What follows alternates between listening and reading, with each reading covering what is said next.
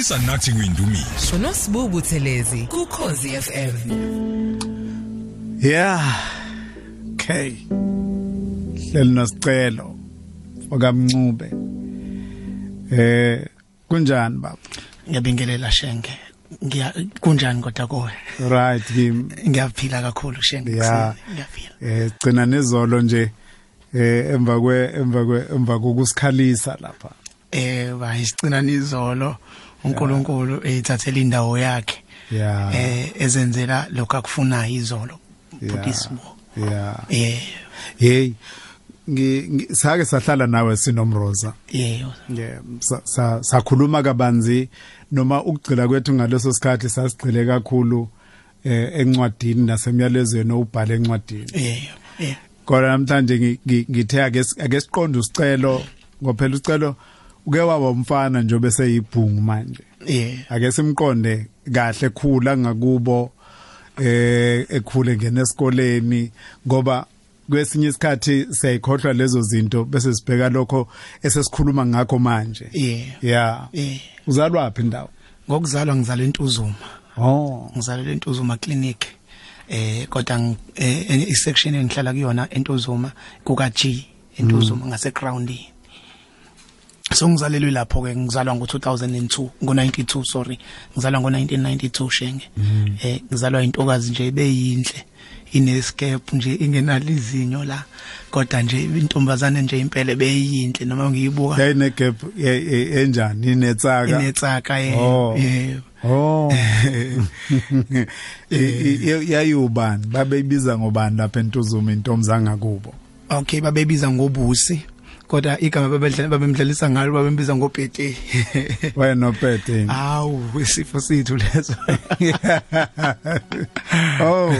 Eh waye wa- waye lemukela kanjani leligama lakhe? Um, Abambiza ngalo. I think ang- abantu ababembiza ngalo abantu ababem understand uyabona ngoba waye umuntu onesithunzi eh waye waye- waye wayekwazi ukwenza ukuthi umuntu ubekwazi ukuhlanganisa i-community i-community ngoba yena ube umuntu obe abe nezitoro adayise. So vele la abantu bahlangena khona abanye bazokweleta abanye bazothenga abanye bazohlala nje ngoba ube umuntu othanda nokukhonza uNkulunkulu.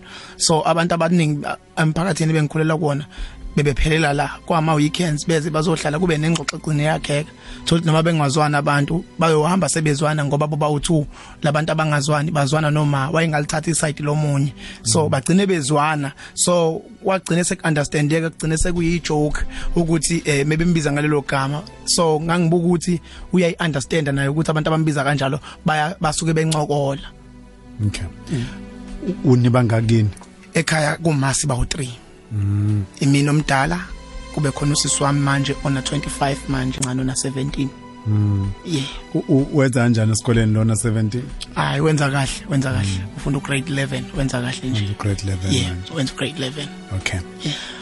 Ukhula phakathi kwama kwamantombazane. Ukhuliswa umama omzalo yedwa. eh Iziphi izinto ongathi waweyiqaphele ukukhuluma ngapha ukhulela ngaphansi kwesimo esinjalo? Em emncane nje bakho esikhathini lapho ungakazi khona lutho uyibona nje ukhula njengengane. eh into engayiqaphela kakhulu ngoba usisilong lamayo usiyana ngonyaka no nothume ngaphosisi eh into ebengiyiqaphela kakhulu engazi ukuthi ukunakwa umzali bengingafani. Eh ang- angathi mhlambe uma wami bengi bengichaza ngokuthi mhlawumbe uma wami expect ukuthi ngibe umzali kusisi wami mina. Usisi wami ngawenza amaphutha ngikhona ngoba every time usisi wami mekukhona iphutha lenzile before kushawe yena waqala kushawe mina. So isimo engikhulile kusona ngikhulume ngikhulile ngaphansi kwesimo senduku. Ngumuntu nje obeshawa mina. Yabo ngishawa nje ngempela in a way that indle- indlela ukuthi umana wayibe kumthetho ukuthi ngo3 fanele bese ugezile se se se usendlini ngoba yena bebuya ngo5 so kusho ukuthi benginika u2 hours kulo 3 o'clock to 5 o'clock ukuthi abuye sengigezile sengiyi right. So mengenzekanga lokho ngoba phela usamncane usakhula uyina kulezi zinto. Hamba odlala nabangani ubone kusemnandi uthi uyabheka isikhathi ayibo kuyoshaya half past 4 uthi uyaqalaza istopini nange qhamuke ephethe uplastic fanele umhlangabeze ebaphethe uplastic kodwa futhi ungcolile fanele ugijima uyogeza. Usenkingeni lapho uma ungamhlebengezanga uzomshayela uthi awumhlangabezanga ngani umbono ngoba ikhaya libheke ngasestopini. Futhi mawukuthi uyomhlangabeza ungagezile uzoshawela ukuthi awugezanga ngani ngoba uyazi ngo 3 o'clock fanele usube usewugezile. So bengagcina ngumuntu oba ophila nokusaba nokuhlala ngithukile ukuthi ukuthi ke na ke eh ngingashawa namhlanje. Ngihlale ngithukile yabona? Into bese ngiyiphila futhi sibu bese ngihlele impilo yami ngiyiphila ngihlale ngingaphambili kwesikhathi. Ukuthi yonke into ekufanele ngiyenze angiyenze ingakashiwo. Akukufundisanga idiscipline leyo nto uma wakho ukuthi ubekele lo mgomo nendlela ethile yokuyiphatha. Kwakungakwenzi ube nento ethi kusho ukuthi uma wakhe indoda kimi. Kakhulukazi njengomuntu wesifazane okhulise ubabe ngekho bekho ngithi ngiqale ngiqale kuqala? Beninayo ubaba benihlala naye? Cha hayi bese besingenayo baba behlala naye. Okay. Yeah besingenayo ubaba ubaba ongowenu behlala ah nje into ethi ubaba ngize ngiyaqala ukuyazi ngo2005 sesibona ubaba olama ozala usisi wami omncane. Yebo no oh, okay so isikhathi sonke lesesidi ubaba ubengekho nje inhlobo okay so ibinga bingabi khona into ngiyacabanga ukuthi ubusemncane futhi phela. Into ethi kusho ukuthi uma ufuna ukwakha uhlobo lendoda ethile kumina. Eh beyingabi khona leyo nto ngaleso sikhathi futhi sibunge ngenxa yokuthi mina bengibuka ukuthi ukuthi ngazi ukuthi uma akangithandi ngoba izinto eziningi bezenzela lo usisi wami lo wentombazane. Mina mase enginika amagama ukuthi hayi wena ngiyobuya ngikwenzele. So noma seku sengishawa into yokuqala bengicabanga ukuthi ivele nje sidalwa vele uthanda sinika lona lilingani mase ngiyayibuza ukuthi kanti mina yini le ngishoda ngayo? Ufunde wayesekuthathe kuyisa kusiphi isikole? Primary school? Yeah i primary school bengifunda kuyona isebonisana ne primary school eNtuzuma okay. iyona high school engifunde kuyona. I primary ngifunde kuyona so Repovet yeah. okay. ngifunde lapho ngagcina ka ka grade 7 ke. Yeah. Also high school. Ngase ngi high school. Kuphi eh i high school engifundele eMlazi ngoba uma ushona sengiyofunda u grade 8 ngashona ngo 2006 la sengiyofunda khona u standard 6 nami. So kwangiphoqa ukuthi angihambe ke ngiyofunda eMlazi ke ke ke. Uyaba uyakubana eMlazi manje? Eh uma mkhulu wami behlala eMlazi ngo 2006 so wanithatha nodade benu? Cha akasithathanga into eyenzeka uma kushona uma eh kwaba nenkinga ukuthi la besihlala khona kwathi indawo akusiyona kama bengasinda kama and eh kwakhona umuntu akhokhe rent and we couldn't pay asasingakwazi ukuthi sikhokhe rent eh kwaphoqa ukuthi ke osisi bama abancane lo mncane aye kababa wakhe nalo ongilamayo kwafanele yaye babakhe so ngenxa yokuthi lo ongilamayo eh sishiyana ngegap kwakukhona ukuthi hayi mhlambe eh ngoba ngo2005 uma esezeshona eh wavela ubaba kasisi wami yabo. So uma eshona kwaukuthi nje umuntu kufanele usisi wami njengoba ezoya khona kababa wakhe ngihambe naye ngoba si close so ngakungekho umuntu engihamba naye. So ngihamba sakuvakasha ngoNovember before my eshona ngo2006 so mase siza ukuthi uma ushonile kwa uma umuntu ebuye entuzuma. So mase siza ukuthi umuntu akasana indawo yokuhlala babuya laba bemndeni baba wasisi omncane baba lo sisi omlongilamayo bathatha ingane zabo. So kwangiphoqa ukuthi ke mase ngiyemlazi mina ngiye kamamkhulu wami olama uma la behlala khona. Ngiso ukuthi ngoba indawo sokuhlala isekho so as sekuyangiphoqa ukuthi ngiye kamamkhulu wami. Then mengiya kamamkhulu wami ngangiphoqa ukuthi ke ngishintshe isikole ngabe ngisafunda intuzuma ngiyofunda emlazi. Ugrade 8 wami ngawufunda esikoleni ebizwa ukuthi sevele abahleke so mengifunda khona ngoJanuary eh ngihlala khona la emlazi. Kuthe sekuzobhalwa ama exams aMarch eh abhalwa sasibhala iphepha lesithathu. Umamkhulu athi indodana sizohamba mekuvalwa izikole simatatiel no cousin eh omzala bakho. Sizobuya mekuvulwa izikole but sokushiya la negrosa ngekuzulambe eh bahamba zingakavalwa izikole eh ngiyakhumbula zathi zivalwa izikole ngasala nje ngedwa for u2 amaviki amaviki amabili. Kuthe ngeviki lesithathu zavulwa izikole bangabuya. Ngahamba ngesikole ngoba ngangasikhoka ngeschool fees.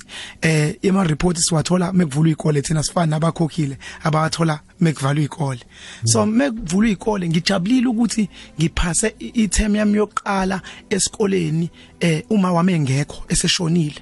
Nginokujabula kodwa engekho umuntu engajabula naye ngaleso sikhathi ngoba babengekho bese matatiyela so mengibuya ne report bengabuyanga. Mengingena endlini kwaqhamuka imoto eyayithwele impahla mayipaka egate angqongqoza ubaba.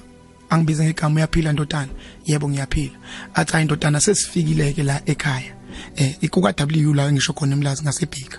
Eh sengifikile eh eh sitshene ngawo ukuthi sokufica wena usicelo ngithi yebo baba mina usicelo. Athi ke ubaba lo eh sacela usipho ukhiye ke sesifikile? Ngithi mina baba ukhiye wani okhuluma ngawo.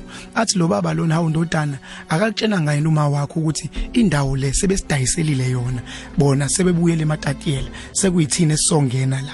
Ngithi mina hayi baba ngikwazi lokho. Akhipha icingo lo baba afonela umamkhulu. Memfonela umamkhulu wami umamkhulu wami athi ndodana cela uqale ngixolise ukuthi umkhwenyana wami akakwazanga ukukuthatha noma ngichaze mina kahle ngoba bengingazi ukuthi ngizokwenza kanjani. Akakwazanga ukukuthatha ukuthi uhambe nathi uze ematatiyele ngenxa yokuthi unenkinga yokuthi akakwazi ukuthi uzalo ubani so ngiyacela ndodana yami ukuthi ubone ukuthi uzokwenza kanjani la ukhona and then ke sobe sekubona ngihamba isikhathi umuntu mekwazi ukuthi ayincenga indoda sikuthathe ke. And then ngaleso sikhathi zavele zehla inyembezi ngamnika icingo ubaba. Kwasho ukuthi ngaleso sikhathi vele ngenxa yokuthi siqale lapha kuma umuntu ekhule eshawa bengingakwazi ukukhuluma izinto ngoba bengisaba ukuthi uzothi ukhuluma into kanti usuya usuyona ngokukhuluma uphinde ushawe. So ngangicina ngokukhala ngiyithulele kanjalo ungaxoxi namuntu. So ubaba lo athi hayi sokunika ukuthi u 2 weeks sokuthi uthathe uhlale la ubone ukuthi wenza njani. Then mase kufika izingane izoshintsha isikole then uzobe usuya sinika ke space sazo. Ngahlala kodwa ngabona ukuthi no ngizobe ngiyayilimaza mengihlala isikhathi eside kuze kufike izingane ngoba ngizogcina sengijwayele ukuthi ngihleli la. Ake ngibone ukuthi ngenza njani. Ngagcina ngibe umuntu ohamba ehle enyuka ke bhuti sibu. Ehamba ehle enyuka athola ukuthi ngibuye ngilale kabangani bami kwesinye isikhathi ngingasho. Bayitshela ukuthi nje ngithanda ukuvakasha yabo ngibuye ngidrop out ngadrop out ngasiyeka isikole ngo2006 isikole kwakufanele ngisiqede ngo2010 ngasiqeda ngo2011 ngoba ngo2006 ngasiyeka isikole. Uyabo mengisiyeka isikole ngiloye ngomuntu owehle enyuka kwathi ngolunye usuku ngidlula eh ka W ngase bridging emawudlule fast stage. Ngadlula ngizwe igroup eyayicula lapho. Ngiqale njalo ngihambe ngiyoyibuka. Baqeda ukucula bagoduke. Kanti njengoba bacula nje sebeyazi isho nezikhathi zokupractice nezinsuku ngathi hayi ngiyabuya ngolesine la ngizwile kuthiwa kunama auditions mengibuya ngolesine kunama auditions angikwazi kwakucula eh njengoba ngakwazi kokucula kodwa nginento ethi ngoba ngiswela into engingayenza ake ngizoyizamela nami la.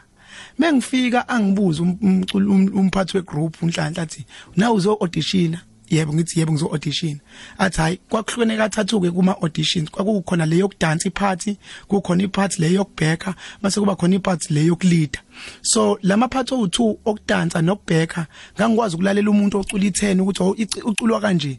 Mase kuthiwa cula wedwa ngiyimemorize ngiyigcina engqondweni leyo nto mase ngiyicula ngalendlela engizwe lo muntu ocula i10 ocula kahle ecula ngakhona. Naleyo kudansa ngangikwazi ukunyakaza ngibabuka ukuthi step basenza kanjani ngayifunda ngayenza. Mase kuziwa kuleyo kulida ayiyona eyangishaya kuyavela ukuthi hayi lo muntu akakwazi ukucula. So kodwa ke umphathi we group ngaleso sikhathi wathi hayi ngoba ngiyakubona ukuthi unalo italente lokuwenza lento le ngizokufundisa mina and then sizosebenza sonke. Eh akwazi ukuthi ke noma ngihlala emgaqweni kwakhona into engiyijoyinayo eyumculo engahlala kuyona. Uhlala nini emgaqweni? Emgaqweni ngihlala ngaso leso sikhathi la khona indawo iphela kamamkhulu wami 2006 eh so usuke kamamkhulu. yeah arilibizwa ngokuthi kwa left kulelo garage liseduze kwesonto lika baba usithole uNJ Sithole CFC so lelo lelo lalisakhiwa ngaleso sikhathi. Kune toilet elingemuva elingakaqedwa lingafakwa nomnyango. So ngangifike ngibe segarage kusakhanya mase kuba mnyama ngingaboni umuntu ngabe ngiyongena kuleli toilet ngilale khona. Ngivuke ekseni ngingaboni umuntu ngiphinde kube umuntu olokehla nje nomgaqo ehlenyuka nomgaqo ehlenyuka nomgaqo. Mase kuhlwa ngiphinde ngiye esontweni lapha eCFC udlani phila ngani? Into enzekayo benginabo abangani abawu2 kodwa nabo impilo yabo beyicikizela. So benginokuvakasha khona lokho abakudla ngaleso sikhathi bakwazi ukuthi banginike. Mekuthi akukho khona ngiphinde ngibaxoxela ukuthi bafethu hayi into yokudla yikho so thola mhlambe sohamba lo mngani wami unabangani bakhe naye sihambe sivakashela abangani. Sokuthi usuku luphela ngokuthi mhlambe sesihleli kwabangani sibuka iTV mhlambe kuze kube late. Mase kugoduka ke sigoduke ke ngiphindele kulo leliya toilet lase CFC ngase garage lapha ya kutheme eqhutshekwa nokwakhiwa lapha ya egarage ka MNR lavalwa itoilet yaphela indawo. Kanti egarage kunovrandi. So ngangikwazi ukuhlala kule avrandi kubekiwe la ukuthi mawuthenga into yokudla uhlala la. So mawuhleli lapha akekho okuhluphayo ngoba ayitshona mhlawumbe ubusuthengile wadlala usulindele into elindile so ngihlale kuze kube late. Mengihleli kulo kuze kube late. So njengoba ngibuye ngiye emculweni ngibuye ngibuye ngiye emculweni kunomfowethu obecula khona egroupini ekuthiwa uGambo eh bambiza ngoAndile Sosibo uyena owangireporta kunhlanhla ukuthi inhlanhla usicela ubonini ukuthi mesiphuma eRehearsal kuyocula? Awukaza ukukhombisa ukuthi kuphi kuphi abuza unhlanhla ukuthi indoda sesikuthathile egroupini sakufaka la kodwa ngingaba yiphuthu ukuthi ngiculise ngoba yonke into engenzeka kuwena iyobuzwa kumina. Ngicela siyotshena abazali ukuthi sewujoyina iqembu. Yila kwavela khona ke isimo sokuthi hayi kahle kahle indawo yokuhlala nginayo. Kwabazali ofuna ukuyababona akekho engizokuyisa kubona. Khuluma ke namhlanje si silalela uhambo lwempilo kasicelo mncube sizwe lesencane em ebone elikhulu ekuphileni kwayo. Namhlanje sithe uhambo lwakhe ake silithathe siyobheka lapha singakaze sizwe khona njengoba usumzwile nje. Tozalo lentuzuma bayamazi abantu basentuzuma. Ufikile nako W emlazi njengoba eseshilo niyamazi. Hleli naye ke usicelo. So ubani insizwa le yagcina itshele unhlanhla phela unhlanhla ngeke ngithi usibali unhlanhla ugebashe nge- eh, usibali wami lo uyakubona uhamba naye la namhlanje ukungqongile yebo eh, uandile uandile sosibo lo ongangicula naye. Bambiza hayi andile mbili lo hamba naye futhi. Hayi andile mbili ngihamba naye. naye ufakazi uandile mbili because ungibonile you know uandile ngimcelizo lokuthi eze e- e- azongiculela lapha kumcimbi besinawo ngoba ngikhumbula engihleka eh sikusuka ka M siya ka W ngeenyawo ngimtshena ngithi andile one day umhlaba uyongihlonipha. Wahle kwathi ayisicela indlala ikwenza ukukhuluma ingcekasi yinenze usho njalo? Cha sasincokola ngoba wayebuka ukuthi bathi yinenza wena usho kanjalo? Uze uphimisela amazwi anjalo? Nga- ngangisengifika esikhathini sokuthi senganele ukuhlupheka. Kungekho umuntu ongirescueishayo so sekuyimina efanele azikhiphe enhluphekweni Se- se- ngase ngikhathele futhi sibu ngase ngikhathele ukuhlupheka ngoba ngalendlela yokuthi wawungakwazi ukukhetha Ma- mawuhlupheka awukwazi ukukhetha. Even though uzazi ukuthi awudalelwe okuncane udalelwe okukhulu kodwa abantu abasuke bekunika lokho okuncane babuke ngazi ukuthi uyayitshena mawukuthi wena uthi ufuna okukhulu.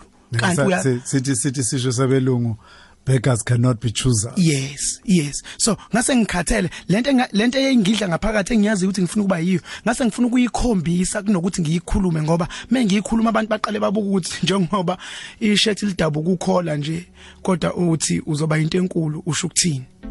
So ngiyamxoxela sihamba umgaqo uthi andile mbili one day umhlaba uyongihlonipha. Ngoba nganginento eyodwa ukuthi konke lokho kwenzekayo konke lokho kwenzekayo njengoba khona into engiyishizo ukuthi konke okwenzekayo uNkulunkulu ukube besingenawo amandla okukudefeata noma ukukunqoba ngabe usengenelelile. U- ingane zakini njengoba nakuba zahamba zaya kuba kuba babazo? Busakwazi ukuxhumana nazo. Yebo yebo mm, ububazi ukuthi bakuphi. Yebo bhuti sibo yebo bengikwazi ukuxhumana nabo futhi bengibazi Be- baku bekunjani ukukhathazeka kwabo kakhulukazi lo osemdalanyana lokuye nokulamayo mangabe buka isimo sakhe ebhekena nokuthi awunalo ikhaya elizinzile. Yeah impilo yami nosisi wami ngilamayo ibeyipeta kakhulu bhuti sibo ine ngendlela yokuthi mesihlangana besingabantu besesibheka ukuthi lento besiyenza kusakhona uma yokulwa. Kahle kahle isimoshela isikhathi ngoba sigcine singakwazanga ukuthi sibumbane sibonde kube ubhuti nosisi. Sesiyibona sesisenhluphekweni ukuthi kufanele ngabe manje siya siyaxhumana ngokomoya njengobhuti nosisi. Kodwa manje asiyikhuluma ukuthi asithandane ngoba kusanaleyanto ukuthi vela sijwayelanga ukukhuluma soba u2 besilwa kakhulu. Kodwa sesibona ngezenzo ukuthi me- mengena lutho angitshontshele okuwukudla nesikhaftina angibekele. Angifuni la ngikhona mebona ukuthi akangitholi akubeke la bese ngihlala khona athi ngilethele ubhuti ukudla. Nimnike umevakasha nimbiki ngoba ujwayele ukuza la cela ninginikele yena. Sengibona lapho ukuthi kunomyalezo azama ukuse ukungithumelela wona ukuthi uyakhathala ngami uyabona? Okay. Ube laphana kwi-amazing grace Yes. eh, u- ulokhu uyakubona usibali wakuthatha lapha. Faka lapha wabhimba wabhimba. Yeah okusho wena? Yeah. ukuthi wawu- wawubhimba. Hayi ngangiphimba futhi isifuba. Hayi hayi. Wa- wagcina phi? Wa- wagcina u- u- u- usuke lapha yana washona phi musu usuka lapha ubu- ubuhlala Hlala khona? Okay ngo 2000 2008 uqala unyaka. Unhlanhla wangitholela eh indawo yokuhlala komunye wosisi ayibaculisa ekuthiwa uhlengiwe emcineko bambiza ngomahle kaW. Wangitholela indawo khona yokuthi angihlale ngoba kwakusakhiwa imichazo so kubo umphathi wami unhlanhla eh indawo yokulala yayincane ayingekho. So wathi wathi no angihambe ngiyokucelela lapha ya ngoba ngijwayelene nobaba wakhona. Wangicelela khona bakwazi ukungihlalisa.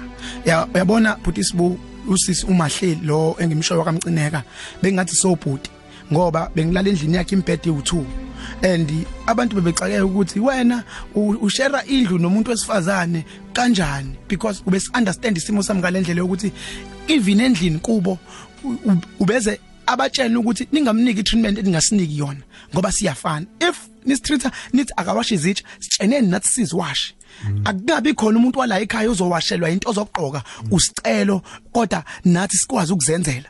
If umuntu ufanele athathe i- i- i- responsible asiyithathele ukuze azofila ukuthi uyingxenye la ekhaya ngoba imizi eminingi ijwayele ukuhlukumeza abantu abadinga usizo abangenayo ishelter. Agcine seyisigqila sala ekhaya. Izingane zibona ukuthi hawu sadla thina nangumuntu esizomthuma asenzele izinto ngoba vele uncenga indawo yokuhlala. And wangenza wabenza nabantu basegcekeni ukuthi ba understand ukuthi siyafana. Kwagcina kungazi ukuthi kusekhaya. Unfortunately noma ngebhat washeshe washona kuba bomcineka ke no so ngizama ukuthi ke ngahlala khona. Mengihlala khona unhlanhla unhlanhla baba yabona ngayi- ngayiyeka negroup. Ngoba eh, ube ngishaya. Mes uyazi ukuthi angikwazi ukucula. Afuna ngicule mina ngenkani. Mengingaculeka ngishaye and wenza lento ekade yenziwe uma. Kanti yena unhlanhla unento ayinotisayo ukuthi mesiye emcimbini abantu bathanda mina kakhulu kulayini so useyayibuka lento ukuthi asibani ake ngizame ukwakha lento efunwa abantu. Awuthi awuthi ngizwe ukuthi yini eyibona sibalo ozala washaya umfana. Hey madoda sifani yathi ngiyakubona. Umshayelana umfana Angibingelele sibali. Cha sibali ukumshaya kwami usicelo ngangibona ukuthi lo mfana lo uhlakaniphile. Yize ngakwazi ukucula. But ukukhuluma uyakwazi. ya Now njengoba ngiculisa mina angikwazi ukukhuluma kakhulu. ya njengoba nje uhlezi usiboya nakuba ngikhuluma ngiyacula kuphela ngomculisi kahle kahle so usicelo unale nto yokucu- yokukhuluma kahle nabantu. Ngikhumbula besikade sami likole kokwazina kubani before sicule. Bengithi sicelo awukhulume nentsha. Uyimotivate nje ukhulume kahle nje. Usho ukuthi sicelo kwenze kanjani la? Emhlabeni so phila yini leyo uzama ukuyi- ukuyi- ukuyikhipha kuyo? Buzama u- u- u- ukumenza abone ukuthi unani kulesiya simo sakhe sokuthi ubengadideka angazazi ukuthi yini ene value angaba nayo njengomfana. Ekade bengifuna uku- uku- ukuveza kusicelo ukuthi no matter how kunjani kunjani empilweni yakho awunama unababa kunjani kodwa kodwa sicelo ikhona uNkulunkulu ayibekela ikhanda lakho. Hayi sibheke kuhambo likasicelo omncube namhlanje. Silithatha uyalibona njengesineke inyathelo nenyathelo asijahile wonke umuntu bakwethu ngiyohlale ngisho unohambo lwakhe. Lolu hlelo olokuzolunguza sibheke ukuthi lapho sasingekho khona ulihamba wedwa kwenzekeni? Yini esingayifunda? Yini engasakha? Yini engasikhuthaza nanto likasicelo omncubo uhambo. Uyaluzwa. Ngi- ngiyazi ukuthi ukhule lapha yana njengoba ushilo ukuthi ubunendawo ubuhlala kuzona wahlala kwamcineka usho Yeah, njalo? yeah Se- seng- sengifuna sengijahe siyofika lapho impilo yakho uyi- iqala khona ithatha i-direction entsha. Lapho usuyibona khona ukuthi usu usumdala manje. Eh ubona khona ukuthi kukhona engingakwazi ukwenza nakho engingakwazi ukwenza. Yisiphi leso sikhathi? Eh mhlawumbe ngiqale lapha yana U- u- ufunde waze wagcina kuphi kumapha amabanga okufunda? Ngigcine ka matric ka grade 12 wawuphasa umatric ngawuphasa futhi ngo distinctions aba u4 U- u- u- ubuwafunda wonke la lama class wafunda uhlala laphi njalo? Eh ukufunda kahle sengihleli endaweni en- e-right ngase ngihlala kamcineka Oh. ngoba vela ngafunda khona grade 10 uhlala isikhathi eside lapha kamcini Ng- ngihlale u3 3 years.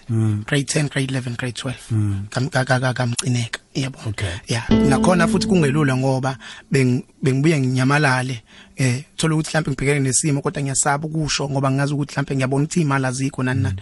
Nginyamalale ngoba nginga understand thola mhlawumbe ngibhekene nesimo nosisi wami ngibhekene nesimo. Yabo noma ngifunda fanele ngibuye usisi wami ngicabanga usisi wami ngizomsiza ngani? Kwesinye isikhathi ngivele ngiyongena eTaxini ngishaye ngishaye isicapha isitaxi elithiwa W lifike eThekwini ngithole lo konombhuti ekuthiwa umthombeni ngamazi ngonhlanhla engishayisa isicapha hey jena uthi mhlawumbe unhlanhla uyazi. Wakwangireport ukuthi hayi nangu sicelo la. Unhlanhla washiya yonke into kweze drobheni wangilanda sagibela naye sabuyela emuva. Ngiyakhumbula ukuthi unhlanhla unhlanhla mhlambe kuko konke engakusho ngiyambonga ngoba ubengahandile ngokukhuluma. Ube- ube- bengishaya zangikhombe kanje esediniwe. Athi athi angenzeli mina la angenzeli mina la. Ngenzela wena. Hey Ng- ng- angenzeli mina wena la. Uyintandane wena. Lapha ngithola indawo yokuhlala wena uthi uyeka isikole uzohla- uzohlala phi? Ufuna ukuba yini? Ufunani? Ah, zithi zehle inyambe zathi anginendaba nenyambe zakho mina. Buyela esikoleni. Ang- angisiso lihle ngenkani. Buyela esikoleni. Akhulume nabantu abanye athi ningigadele yena enisebenza ngalapha. Khona umama umvezile lapha izolo. Yi- yini yenza ukuthi um- um- umkhethe kwabaningi? Oh wayengifundisa e- e- e- esikoleni kuthiwa kusembizweni bengiloye ngishintshe ikole yabo? You drop out ushintshe isikole. So ngok e- engifundisa u u- grade 10 embizweni uma sisisibiya engifundisa tourism la ngayika khona ke unhlanhla sengishintshe isikole ngoba ngibalekela ukwen- ukubhala ama exams unhlanhla wathi wena isikole uyasiqeda ngenkani wena? Wangifakisa lihle ngoba kuseduze nala ayikhona kanti embizweni kukuthi akakwazi ukungibona. Esolihle uyakwazi ukuthi ngo10 azothi kahle kahle unhlanhla ungambiza njengokuthi ube umzali wakho yeah um- wesibili ube umzali wami baba. Ube umzali wami. And then u- um- uma sisisibiya m- uyabona bengiye esikoleni ngingakwazi ukuafford ama roll on uthola ukuthi nginuka nekhwapha. Uthola ukuthi ishirt liqwalile lin- lingcolile. So ubeyithanda uyinono akaza- akazwana nento obunuku so bengazi ukuthi mengena yini eclassini ngizo ngizozizwa kabi ngoba ngiyazi ukuthi ikhwapha liyanuka. So bengigcina ngiyiqoqa ngifuna ukumimpress ukuthi ngiyazi ukuthi entweni enhle ayibhekile eclassini ngifuna ukuthi nami ngibe ingxenye yaleyo nto enhle. Mm. yabo. So ngigcine ngi- ngi- mengithola imali ngiphiwa abangani bami noma ngithunywa ngiphiwa leyo mali.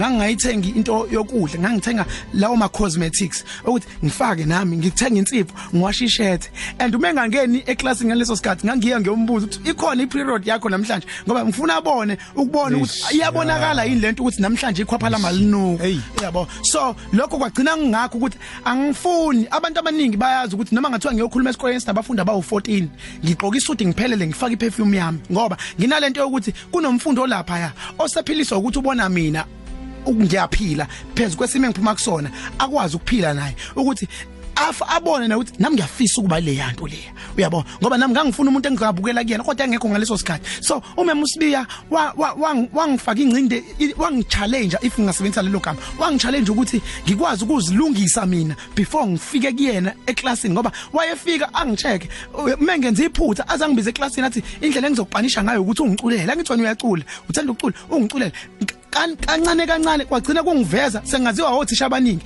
Mangingekho kwakubuza nothisha uphi umfana wakho? Uphi umfana wakho? Ngoba ngathi sengishintsha isikole wangifuna wazi wangithola. Wathi wena ngifuna ukuthi uphumelele noma ngathiwa usafundi la engifundisa khona. Kodwa ngifuna uphumelele ngoba uhla uze washo izolo ukuthi uba ulove esikoleni for 2 weeks.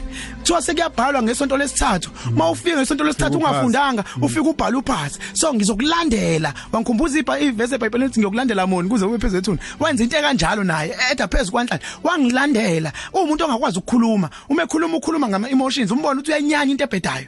U- uza kuvezele ngobusa kunyiphele uyayinyanya anga- anga understand ukuthi u- usunenkinga yani? Why ungayi esikoleni? Ubo manje ngibe nento ethi oh labantu laba khonto abayibonayo. So ngiyabaphoxa yize kungenayo umuntu omndeni mina onginakile.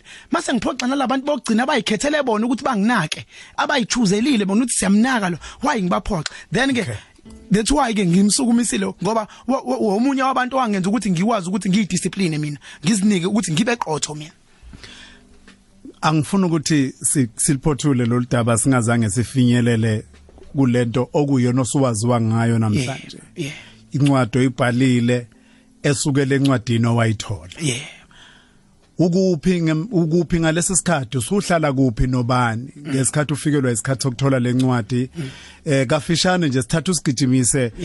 Uthola le lencwadi oyitholayo ithini? Yenzana empilweni yakho. Un- Unhlanhla angangifakazela. Khona la khona kuzobhala ama examinations ngasiyeka isikole. ngangamtshela ukuthi isikole ngisiyekiseyini ngo2008 2008 uthisha omkhulu weza kumina wathi ndodana sinenkinga la. Lo waqala isikole wena. Akaze kuze abazali bakho for ama meetings. Number 2 awukazi usikhokha ischool fees. Number 3 iuniform awuyigqoki ngendlela eright. Kumanje buka ishirt alinawo ukhola awuyigqa ufaka ophaqa ophaqa bagqokwe esikoleni. Ub- ubani umzali wakho? Ngoba manje sinenkinga and kubhalwa ama exams next week asikwazi ukubhalisa lezi zinto engalunganga manje ngiyabona mawuhlupheka ugcina ufuna ukudatshukelwa ukuze uqamba amanga unganiki u- u- ukuze uzodatshukela abantu bayiyeke lento abafuna ukuyazi ngawe. Ugcina uqamba amanga.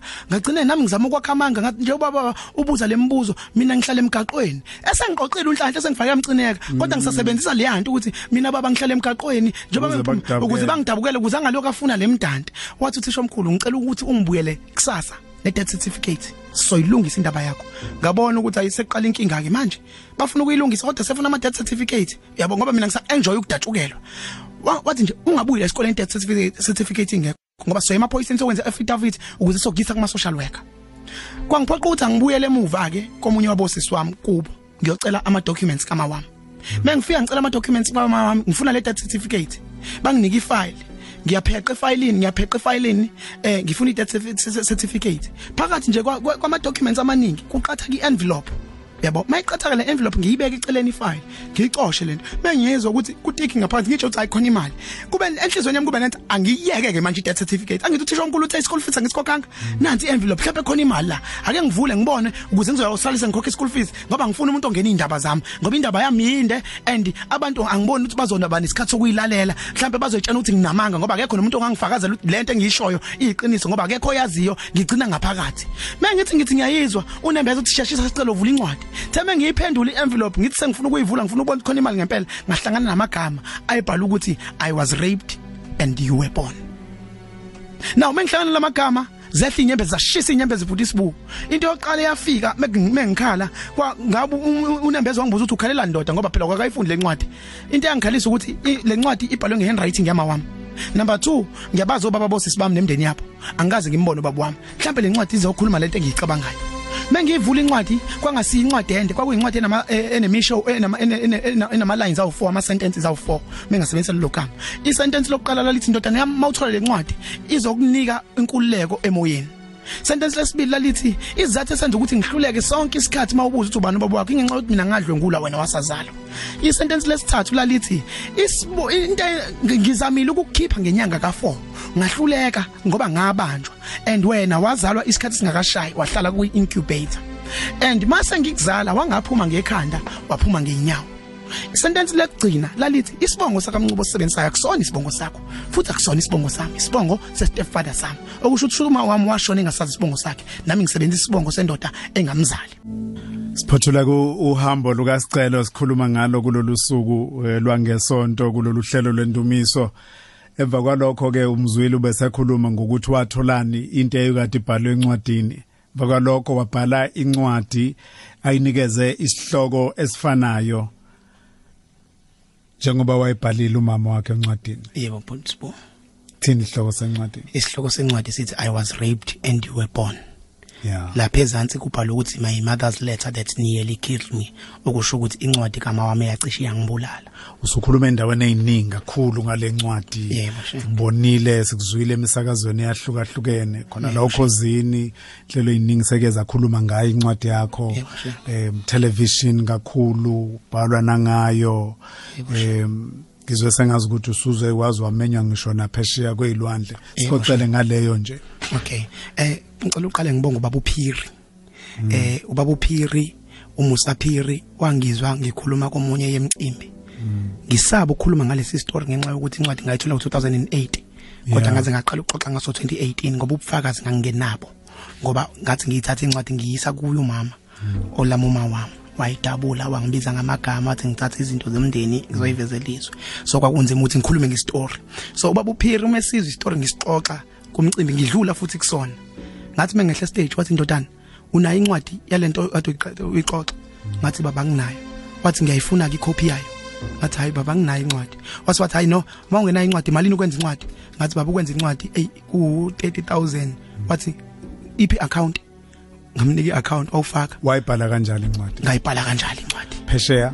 Phesheya ngiya ngomhla ka17 uSteve Harvey uyafika la eSouth Africa kwiEssence Festival and be exhibitor lapho. So mebe ngibona lapho eh bathatha ama details wami kwaswathi last year mebe ngena bebhala usicelo omncube kuGoogle babona ilink ekhuluma nge-rape nani nani so ngathinta u-content producer we-steve harvey tv uthi ndodana siyakudinga lapha esheya uzokhuluma ngodaba lakho. So ngomhla ka-17 june ngiya echicago eh ngine-interview no-steve harvey mhlawumbe ilokhu engakubeka.